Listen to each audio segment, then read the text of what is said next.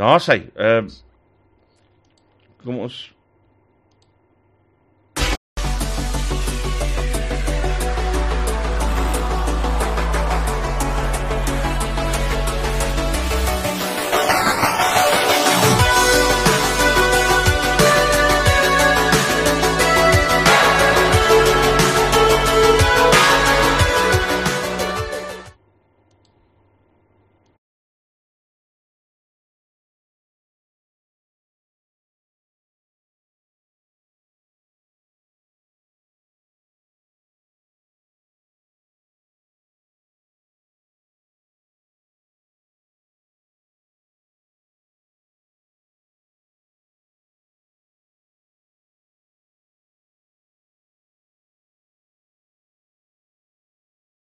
Ehm um, nee, ek dink daar's ons klank nou.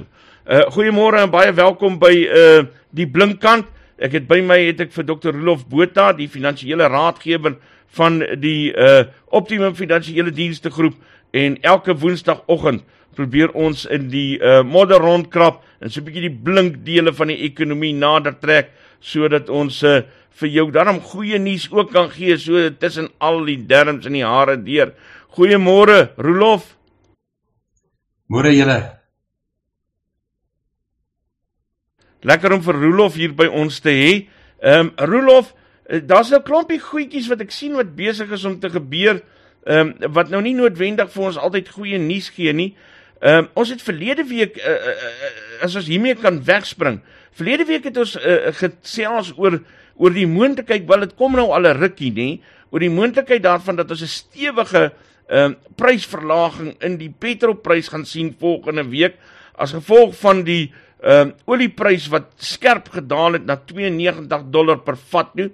Maar toe kom hy en uh, skielik skiet hy terug na 102 dollar per vat toe en uh, die rand uh breek toe deur die 17 rand merk uh teen die dollar en dit verander toe die prentjie uh nie noodwendig um, so sleg nie maar maar ons gaan nou nie heeltemal so 'n groot um, uh verlaging kan sien as wat ons voorgehoop het nie. Uh of, of hoe dink jy daaroor? Ja, ja ongelukkig uh, wat wat toe nou teen ons begin tel het is dat hierdie vervlakste uh rie-olieprys het weer effens begin styg. Hy was mooi op pad na onder 90 toe. En toe ewe skielik toe gaan hy nou weer die die Brent rie-olie na na 100 toe. En intussen het die rand ook uh hy is maar so 'n bietjie op en af. Maar dit is ek dink dit is baie belangrik vir die luisteraars uh, en ek het dit al voorheen gesê en en uh, soos 'n goeie dosent moet ek nou en dan herhaal. En dit is dat dit is nie noodwendig die rand wat swak is nie. Dit is 9 uit 10 kere uit is dit die dollar wat sterk is. Uh, en die groot onsekerheid rondom internasionale inflasie en natuurlik die uh die, die energieprobleme in Europa laat ons energieprobleme in Suid-Afrika op die oomblik so soos 'n sonnaskool piknik lyk. Want daar is nou vrese dat hulle uh, in die komende winter dat hulle nie eens 'n fabriek genoeg energie vir hulle fabrieke gaan hê nie. En ek het 'n vermoede dit het iets te doen met die vermoë wat Rusland het om kernkrag uh die die vloei van kernkrag na na Europa te kan keer. Dit is skrikwekkend. Uh wie sou gedink het jy weet na 'n pandemie soos COVID dat jy hierdie tipe konflik in die wêreld gaan hê uh, wat gelukkig baie ver van ons af is maar dit kan ons nadelig raak en dit het ook reeds natuurlik deur die inflasiekoers. Ehm um, ek ek kry baie keer die indruk dat ons met die uh, met die met die uh, rand maak soos wat jy met 'n rugby span, 'n skole rugby span wat dalk teen ehm um, teen die Springbokke gaan speel en verloor hulle in hulle glory in. En as jy kyk nou net hoe swak het daai ouens gespeel maar eintlik is dit die springbokke ehm uh, wat net soveel beter is en baie keer moet 'n mens dit aanvaar dan nie. Ja, dit was natuurlik nou nie Saterdag op hulle beste nie, maar ons vergeet eens daarvan en ons hou duim vas uh vir wat voor lê. Dit, dit was maar 'n droewige sportnaweek vir Suid-Afrikaners, maar dit hou mens nederig. Uh sport hou jou baie nederig en as jy nou eers verloor het, uh, hulle sê mos dit bou karakter. So ons het 'n baie sterk karakter hierdie week in Suid-Afrika. Maar hooplik sal die eh, die kerels weer terugkom en dit is dit is 'n baie belangrike uh punt wat jy genoem het hierso Isak en dit is dat dit hang af van jou oppositie. Ek meen die feit van die saak is dat nee, sport is maar soos die ekonomie. Ons ding op mee teen die res van die wêreld en daarom is dit belangrik dat ons mededingend is. In een van die groot groot uh nadele van die staatskaping era, daar was natuurlik baie uh was die feit dat uh ons mededingendheid is benadeel.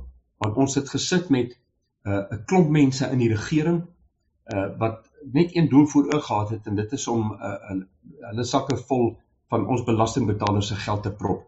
En dit is so verblydend dat mense soos Molefe en daai sing kerel van Eskom dat hulle nou uiteindelik uh, uh gearresteer is en hopelik sal sing sing en ook vir ons sê wie nog daar betrokke was uh en en ek moet dit net herhaal as dit nie was vir meneer Zuma en sy trawante nie wat vir doelbewus vir 7 jaar lank die hernubare energieprogramme van hierdie land in sy spore gestuit het Dit lyk vir ons almal asof dit was omdat hulle hierdie Russiese kernkrag uh transaksie wou wou uh wou aan die gang kry. Uh, Mense kan jou net uh, indink hoeveel kommissie is daar betaalbaar op 1 trilljoen rand. Dit was vir daai projek werd was. As dit nie daarvoor was nie, dan sou ons nie vandag in Suid-Afrika weer krag gehad het nie. So uh, ek sê dit maar altyd indien iemand 'n greintjie simpatie het met meneer Zuma, raak van daai simpatie baie vinnig ontslaag. Maar ons kan sien ons is op die regte spoor as mens kyk hierdie laaste week van ehm uh, twee ministers van waterwese ook van openbare werke wat aangekondig het dat hulle is besig uh, om die die uh, hulle departemente skoon te maak en te sorg dat hulle begin doen wat hulle veronderstel is om te doen. Uh, daar is baie duidelik hernuwing in die kabinet, daar is baie duidelik uh, ek glo die meerderheid van die kabinetslede en van die nasionale uitvoerende komitee van die ANC wat saam met die uh, die president staan in sy in sy strewe daarna om hierdie land se ekonomie reg te ruk met maksimum private sektor betrokkenheid. En ons het 'n lang pad vorentoe, maar ons is op daardie pad. Ehm um, nou weet nou gesê 'n ekonom is verveliger, want kan net so lekker gesels soos wat Rolof gesels. Ehm uh, uh, Rolof, ek ek dink die ander uh uh ding wat ek wil vra in hierdie verband, ek het 'n interessante vraag vir jou voordat ons aangaan met die res van die program. Nou dat jy praat van van die hoeveelheid geld wat hierdie mense steel en in hulle sakke indruk. Nou sit ek gister en wonder nê, waar kom al hierdie geld vandaan want dat lyk nie of daar enige einde is aan die bronne waaruit hulle kan steel. As jy dag na dag vir die afgelope 30 jaar die koerant oopmaak, dan is daar altyd 'n nuwe bron. Waar kom al die geld vandaan wat hulle so steel? Dit Suid-Afrika is geklassifiseer deur die Verenigde Nasies uh as 'n bo-gemiddelde inkomste land, in Engels upper middle income. Ons hap hap so aan die status van 'n ryk land. Uh ons is ons ekonomie is sover my navorsing betref die mees gediversifiseerde ekonomie van enige ontleikende mark in die wêreld. Daar is baie in Suid-Afrika te steel. Ek meen ons het uh, 'n totale uh, uitset wat op pad is na 7 trilljoen rand en as jy enige plek uh, in 'n groot dorp of in 'n stad in Suid-Afrika sit en jy die verkeerde bietjie dop dit is net verstommend om te sien hoeveel uh, karre daar is nuwe karre weelderige karre ehm uh, daar daar die ons ekonomie groei ons groei ons het verlede jaar teen 5% gegroei ons eerste kwartaal het te sleg gedoen op 'n jaar op jaar basis nie Ehm um, so die, die feit van die saak is ons is nie brandarm nie. Daar is mense wat brandarm is. Maar met die uitbreiding van die uh, welvaartstelsel uh is ons besig om nou op die oomblik amper by die helfte van uh, uh, ons aan, aan die helfte van ons bevolking toelaas te betaal en ons kan dit baie gemaklik in ons staatsfinansies akkommodeer. So dis miskien een punt, maar net terug te kom na jou eerste vraag oor die brandstofprys. Dit lyk asof ons 'n R2 meer as 'n R2 daling gaan kry uh volgende week. Uh wat onder die omstandighede dink ek uitstekend is. Uh wat wat ons nou verwag natuurlik is 'n verdere effense verstewiging van die rand, maar intussen en ek dink dis baie belangrik vir luisteraars om net daarop te let. Wanneer daar hier en daar 'n ekonom is wat nie noodwendig uh miskien my kursusse deurgekom het nie, wat vir mense sê uh o kyk wat maak die rand. Hy is nou oor 17. Ooh, Suid-Afrika so sleg. Julle moet julle geld uit die rand uitvat. Asseblief mense, moenie daai mense luister nie. As die rand swak is, dan kry ons uitvoerders meer rande vir hulle uitvoer. Ons boere, ons uh, uh, chemiese maatskappye soos Sasol en nie meer. Ons voertuigvervaardigers, ons voer voertuie uit uit die res van die wêreld, dan meer as 100 lande. Laat die bisies bewe. So as die rand bietjie swak is, dis nie die einde van die wêreld nie. Dit is eintlik goed vir ekonomiese groei en hy sal altyd herstel. Solank ons solank ons behoorlike ekonomiese beleid het wat ons vir 10 jaar nie gehad het nie. En toe begin ons dit kry en toe kom 2 jaar se COVID. Uh wat nou hopelik min of meer agter ons is. Uh ek kan nie verstaan wat in Amerika met daai tennis aangaan nie. Ek meen COVID is min of meer iets van die verlede, maar hulle wil nie vir arme ou Djokovic jy weet toelaat om New York toe te vlieg nie. Goeie genigtig, baie erger siektes wat jy in New York kan optel. Hoorie se maar, is dit nou nie 'n kompliment vir 'n land nie? Dis nou, dis nou 'n ware blinkkant om van 'n land te kan sê, "Uh man, hy het genoeg geld om gesteel te kan word. Daar's baie geld om te steel." Dit is waar, dit is waarheid hoor. Ehm um, Rolof ja dankie dit is want ek da, dit is inderdaad so dat daar's ongelooflik baie geld wat die ouens steel. Hoorie Rolof maar nou dat jy dit so noem ehm um, oor oor oor oor Suid-Afrika se ekonomie en dit ou nie altyd so negatief daaroor moet wees nie.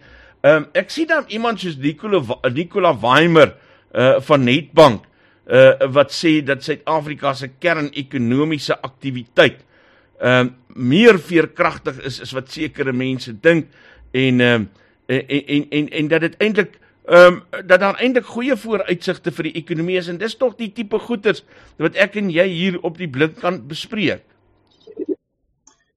Ja, ek het toevallig ehm um, ek ek ek is bly jy noem dit want ek het toevallig saam met Netjie Weimer vir wie ek redelik goed ken. Sy is 'n uh, eerste klas ekonom met baie ondervinding in in sy vat gewoonlik raak.